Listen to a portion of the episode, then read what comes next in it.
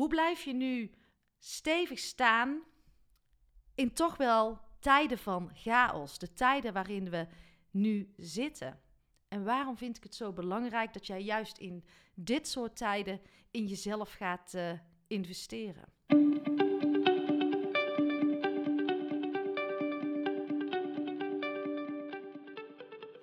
Welkom bij seizoen 3 van de podcast Stilstaan voor Dummies. Een rehab voor druktemakers, eerste hulp bij stilstaan.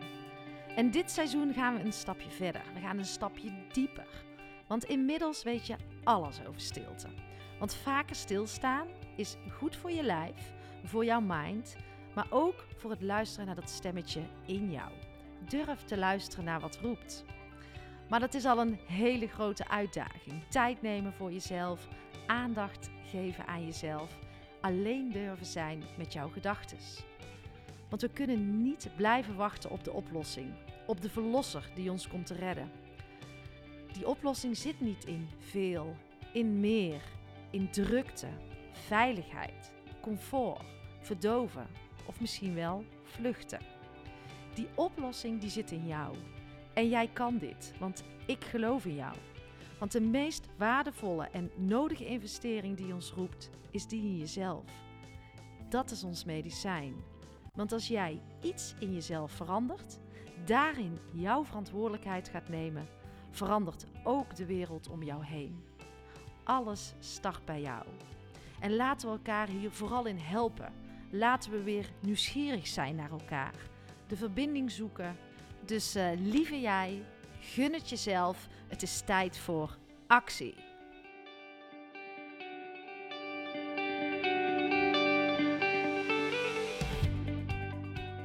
Lieve luisteraars, welkom. Maandagochtend. Een nieuwe Ankioli staat voor je klaar. Fijn dat je luistert. Fijn dat je er weer bent. Ja, hoe gaat het? Hoe gaat het met je? Hoe gaat het echt met je?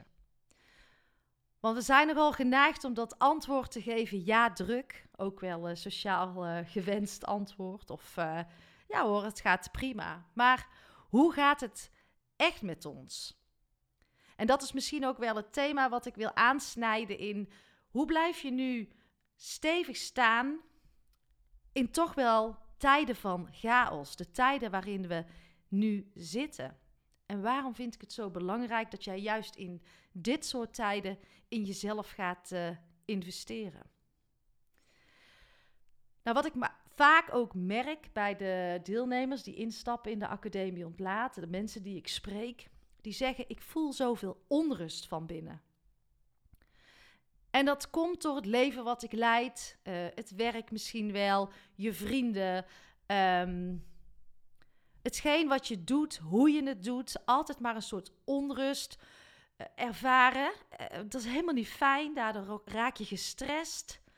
En ook wel wat er om ons heen in de wereld gebeurt, raakt mij heel erg. En daardoor voel ik soms ook die onrust, want het is chaos. En wij hebben helemaal niet zo goed geleerd om met chaos om te gaan, om in de chaos ja, stevig te blijven staan. En dat is heel belangrijk, want als jij stevig staat als mens, dan kan jij veel meer, in ieder geval voor jezelf betekenen, uit jezelf halen en daardoor automatisch ook veel meer aan een ander geven. Dus het begint bij jou, van binnen naar buiten, zeg ik altijd. En we gooien het best wel snel om om van buiten naar binnen te werken. Dus wat een ander vindt, uh, wat je ouders zeggen, wat je partner zegt, of wat er van buitenaf door de social media en het nieuws op ons afkomt, daar laten we onszelf heel erg door leiden. Maar wie is leider? Wie kiest? Dat ben jij. En je hebt altijd een keuze, dus ook hoe je hiermee om wil gaan. En de mensen die ik spreek, sommige mensen voelen zich ook angstig. En waar komt nou angst vandaan? En ik noem het ook wel eens de onzichtbare vijand. Dat is een angst die in jouw hoofd zit. Die is niet tastbaar, die zie je niet, maar jij maakt die angst in je hoofd. En hoeveel van de angsten die jij in jouw hoofd hebt, hoeveel is daarvan echt uitgekomen? Hoe vaak is het waarheid geworden? Is, de, is het realiteit geworden? En wat ik ook aan mijn deelnemers uh, in de academie ontlaat zeg, is: je creëert je eigen werkelijkheid. De angst die in jouw hoofd zit, is geen waarheid. Maar als je gaat geloven dat dat gaat gebeuren, dan wordt het leven best wel uh, ingewikkeld. Jij kiest nogmaals, jij kiest uh, wat je doet. En met een onzichtbare vijand, nou je hebt zelf al zoveel vijanden in jouw hoofd gecreëerd, gedachten, angsten die, die achteraf helemaal niet waar zijn of niet uitgekomen zijn. Maar het wordt soms ook gecreëerd als je altijd maar nieuws kijkt. Dan zie je zoveel leed, en dan zie je zoveel ellende om je heen. En dan creëer je ook je eigen onzichtbare vijand.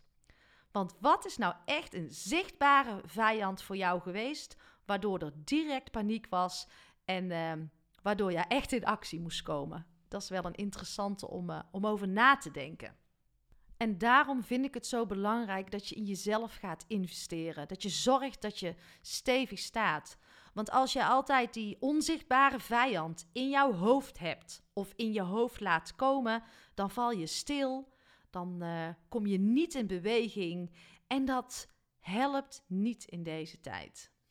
En wat mij laatst ook triggerde was een post van uh, Charlotte Labé waarin zij haar struggle deelde. En die snap ik. Ik denk dat heel veel mensen daarmee uh, struggelen.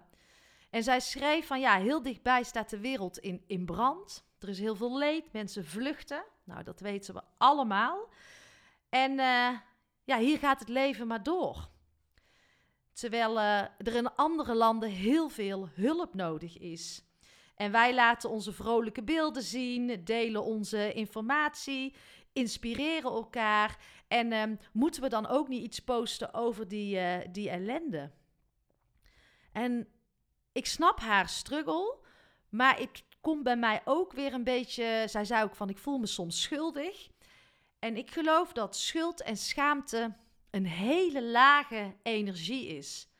En als jij nu uh, bijvoorbeeld. Uh, heel, heel, veel mensen gaan dan iets zeggen en dan zeggen ze ook: ja, maar in, in Oekraïne is het veel erger. Het lijkt wel, ik probeer het goed uit te leggen, dat we dat altijd moeten benoemen om het een soort goed te praten voor onszelf. Maar als jij jouw intenties zuiver hebt en de dingen die jij doet zuiver zijn, dan is dat toch een vanzelfsprekendheid dat jij daar ook aandacht voor hebt, zonder dat daar per se woorden aangegeven moeten worden of zichtbaar uh, moet zijn. Dat vind ik wel uh, fascinerend, want er is zoveel leed in de wereld. En ik zeg ook wel eens tegen mijn kinderen: als ik vanuit mezelf uh, een straal van een kilometer trek en ik maak een rondje, dan moet je eens kijken hoeveel mensen daar al in zitten die aandacht nodig hebben. Want waarom doen we dat niet altijd? Kijken naar mensen die hulp nodig hebben, er voor elkaar zijn. En uh, is het nu extreem. Maar dat wil niet zeggen als jij daar in jouw socials of in jouw woorden of in jouw zichtbaarheid geen aandacht aan geeft, dat je dan minder solidair bent of dat je je daarvoor moet uh, schamen of schuldig moet voelen. En dat uh, doet me ook een beetje herinneren aan het begin van de coronatijd. Want wat me daar opviel, en dat deed ik zelf ook vooral in het begin, bij alles wat je zei, zei je ook: ja, maar ik heb wel respect voor de ouderen. Eh, ik heb zeker respect voor de mensen in de zorg. Ik zou niet in hun schoenen willen staan. Het lijkt wel of we dat altijd moeten benoemen, omdat daar anders een soort schuld of schaamte uh, onder zit. Want uh, nee, je wil vooral geen asociaal iemand zijn en je wil respectvol zijn. Maar dat ben je toch? Dat ben je toch altijd als mens? Ik vind dat serieus een hele hoopvolle en mooie gedachte um, dat dat ieder mens in de basis is.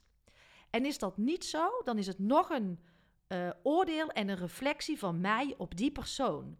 Mij helpt het gewoon om, om zo naar de wereld te kijken. En niet meteen als je uh, iets anders wil zeggen of het wil verrijken, dat je dan uh, een hoek in wordt geduwd. Of dat je je dan schuldig moet voelen.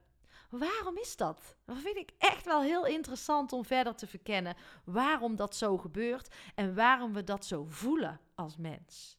En wat is, als je het aan mij vraagt, nou de beste investering die je in deze tijden van chaos, in deze tijden van onzekerheid kunt gaan doen? Dat is de investering in jezelf. Want we gaan echt over naar een ander tijdperk. Er zal nog veel meer chaos komen. Er zal nog veel meer onzekerheid komen. Hoe ga je stevig blijven staan als je nu al niet meer stevig staat? Dat je je misschien angstig voelt of continu die onrust hebt. Wil je dat nog de komende tien jaar? Of ga jij in jezelf investeren van hoe kan ik stevig leren staan als mens? Hoe kan ik mijn volle potentie gaan leven? En wat ik heel erg vaak hoor van de deelnemers in de Academie Ontlaat die instapten. Ik leefde heel erg van buiten naar binnen. Maar door de Academie Ontlaat ben ik alles gaan ontlaten. En ben ik juist van binnen naar buiten gaan leven. En dat geeft zoveel oerkracht. En daardoor voel ik me zo sterk. En daardoor kun je dus ook veel meer aan een ander geven. Nou, als we allemaal die ontlaat, way of life eigen gaan maken, dan gaat er echt iets transformeren in de wereld. Maar dat begint dus bij jezelf. En voel jij die behoefte om te gaan investeren in jezelf? En wat ik ook uh, al vaker heb gezegd, dat is geen quick fix. Het vraagt om aandacht voor jezelf, onderhoud aan jezelf. En ja, nog twee dagen kun je gebruik maken van ons uh, jubileumaanbod, want Ontlaat bestaat één jaar. En voel jij tijdens het luisteren dat dit hetgeen is wat je te doen hebt? Stap dan in, want je hebt nog twee dagen de kans om in te stappen voor 199 euro in plaats van 499 euro. En daarna komt er hele lange tijd geen actie meer. Maar dan ben je erbij. En voor nog geen 25 euro per maand, want het is een programma van 8 maanden, ga je jouw volle potentie leven, benutten. Je gaat op ontdekking. En als het programma jou niets heeft opgebracht, dan krijg je je geld volledig terug. Want ik weet zeker, als je instapt, ga jij die transformatie maken. Uh, ga je dat verlangen wat je in je hebt omzetten tot uh, actie die uh, onrust die je soms van binnen voelt. Misschien kun je er nog geen uh, handen en voeten aan geven zelf. Maar het verlangen naar meer rust, naar meer vertrouwen, naar meer verbinding met jezelf. Ik garandeer je, die ga je vinden. En als je eenmaal die interne rust gaat ervaren, die ontlaat way of life eigen hebt gemaakt, dan wil jij niet weten waar je staat. En dat mag jij jezelf gaan gunnen.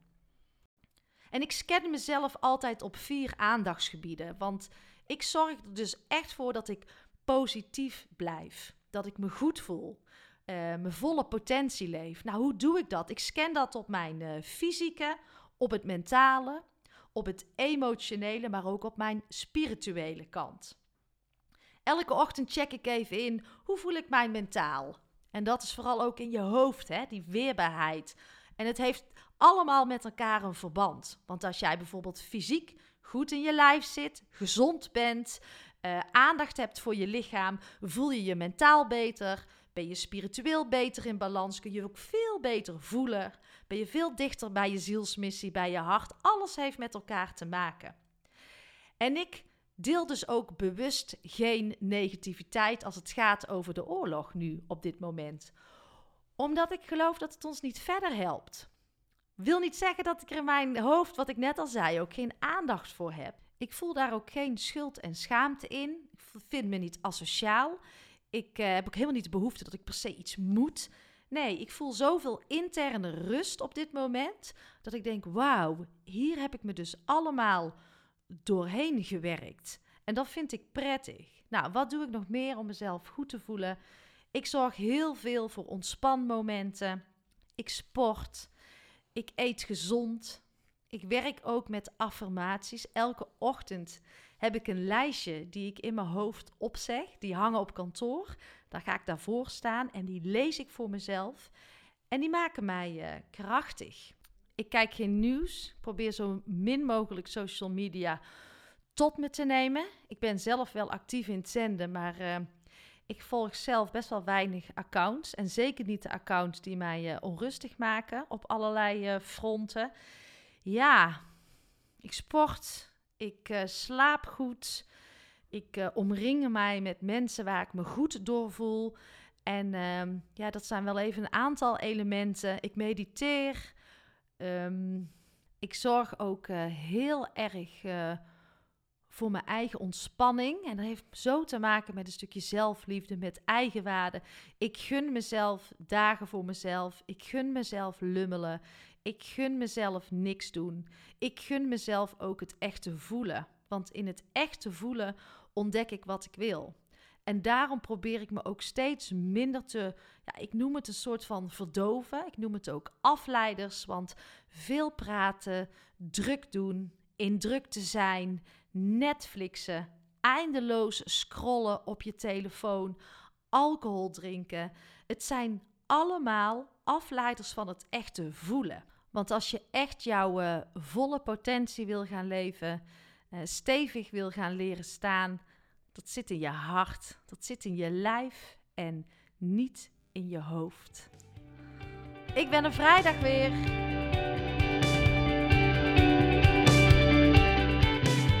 Dat was hem weer. Dankjewel voor het luisteren. Fijn dat je er weer was. Ja, hoe kijk je terug op uh, deze aflevering? Wil je die investering in jezelf gaan maken? Vind je het belangrijk om die investering in jezelf te gaan doen? Sta je stevig? Of op welk aandachtsgebied heb je nog wat te doen? Wellicht het fysieke, het mentale, het emotionele of het uh, spirituele? Ben jij goed in balans? Voel jij je, je van binnen op en top rustig? Of schreeuwt er ook een stemmetje wat aandacht nodig heeft? Als dat zo is, dan zie ik je in uh, ontlaat. Tot de volgende podcast.